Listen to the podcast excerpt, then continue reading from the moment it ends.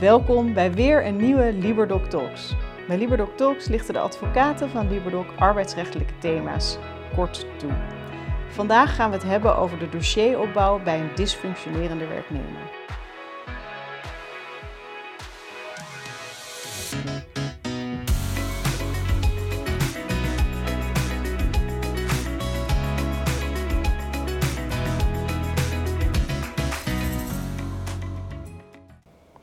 Ik ben Maartje Oliemans. Dit is Boudewijn Kane. Om maar meteen met de deur in huis te vallen, Boudewijn. Wat moet een werkgever doen als een werknemer niet functioneert? Ja, allereerst goed om vast te stellen dat het gaat om niet functioneren eh, en niet zozeer om het feit behandelen, wat misschien later nog aan de orde komt. Ehm, en je moet een medewerker eh, uitleggen dat hij niet uh, functioneert en waar de onvrede zit. Alleen dan heeft de medewerker de kans om zijn functioneren te verbeteren. En dat is meteen de tweede stap die je moet doorlopen. Je zult hem een verbeterperiode moeten gunnen. Zodat hij inderdaad kan laten zien dat hij het ook op een juiste manier kan, uh, kan vervullen, zijn functie. Uh, bij dat verbeterplan moet je natuurlijk verbeterdoelen stellen. Maak ze concreet. En je moet ook actief helpen. Dus welke middelen stel je ter beschikking om, uh, zodat die medewerker zich kan verbeteren? Stel je bijvoorbeeld training ter beschikking, coaching on the job, al dat soort zaken. En je moet hem ook uitleggen uh, wat de gevolgen zijn als hij niet verbetert. Dus dat zijn uh, eigenlijk de belangrijkste punten. Uh, verder is het zo dat altijd de wet voorschrijft dat je nog moet kijken naar passende functies als het verbeteren uitblijft.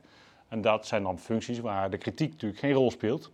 En pas als je die stappen hebt doorlopen, kun je eventueel gaan nadenken over beëindiging van de arbeidsovereenkomst. maar als het dossier nou, als je tot de conclusie komt dat het dossier nog niet ja, ontslagrijp is, zoals je dat noemt. Dat je nog niet kunt overgaan tot beëindiging van de arbeidsovereenkomst.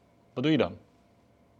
Dan ga je kijken of je dat dossier alsnog kan, uh, kan vullen. Want het blijkt dus uit jurisprudentie hè, dat rechters, uh, als ze een verzoek tot ontbinding wegens beëindiging van arbeidsovereenkomst dysfunctioneren, als ze dat afwijzen, is dat 80% van de gevallen omdat er gewoon geen goed dossier ligt van die werkgever. Die kan niet aantonen, en de bewijslast ligt bij de werkgever. Die werkgever kan niet aannemelijk maken bij de rechter dat er op tijd is gewaarschuwd, dat er daadwerkelijk een verbeterplan was, dat er tussendoor is geëvalueerd, dat er voldoende opleiding was, dat er uh, um, uh, ook echt voldoende gelegenheid was dat de werknemer goed begreep wat hij verkeerd deed. Nou, dat is allemaal noodzakelijk. Anders wordt het simpelweg afgewezen. De consequentie is nogal vergaand. Dan ben je dus al met die werknemer bij de rechter geweest. Dan zegt de rechter, werkgever, werknemer, ga maar weer terug, ga het nog maar een keer proberen.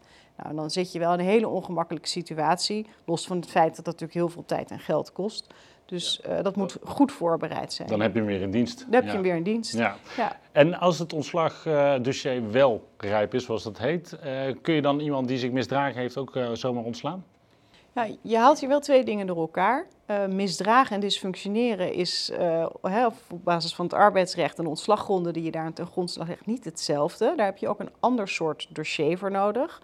Uh, maar het feit blijkt wel, als werkgever moet je dus aannemelijk maken wat er aan de hand is, wat die werknemer verkeerd heeft gedaan en wat je er als werkgever aan hebt gedaan om de werknemer te helpen om het op te lossen. Nou, dat geldt zowel in de situatie van iemand die zich verwijtbaar heeft gedragen, bijvoorbeeld hij, hij weigert zijn werk te doen, hij komt altijd te laat, hij komt dronken op zijn werk, et cetera. Of een andere situatie, iemand voert de functie niet uit zoals jij zou willen als werkgever. Nou, en daarvoor, hè, of ongeacht welke ontslaggrond dat is, moet je dus wel goed kunnen aantonen wat er mis is gedaan en wat voor oplossing je hebt.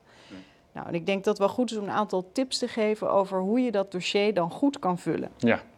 Nou, um, ten eerste, het moet op papier staan. Het klinkt zo simpel, maar in de waan van de dag vergeet je dat zo makkelijk.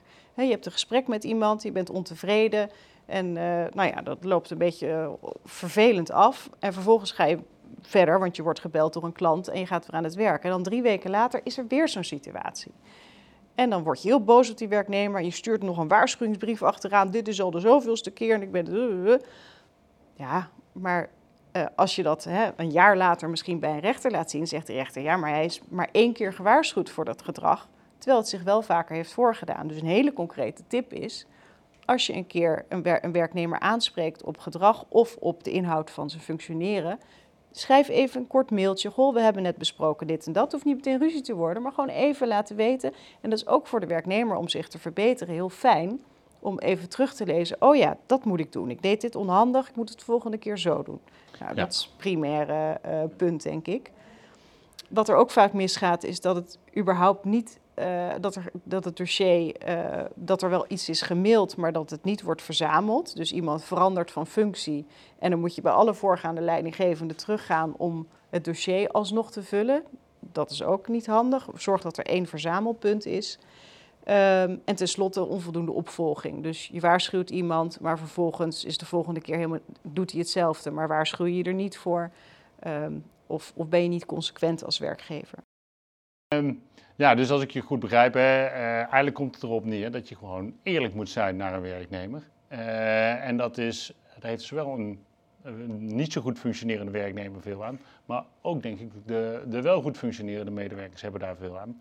Als je dat op een eerlijke en constructieve manier doet, kan het ook voor retentie uh, zorgen, lijkt me. Want iedereen vindt het natuurlijk prettig om af en toe de bevestiging te krijgen dat hij op de goede weg zit.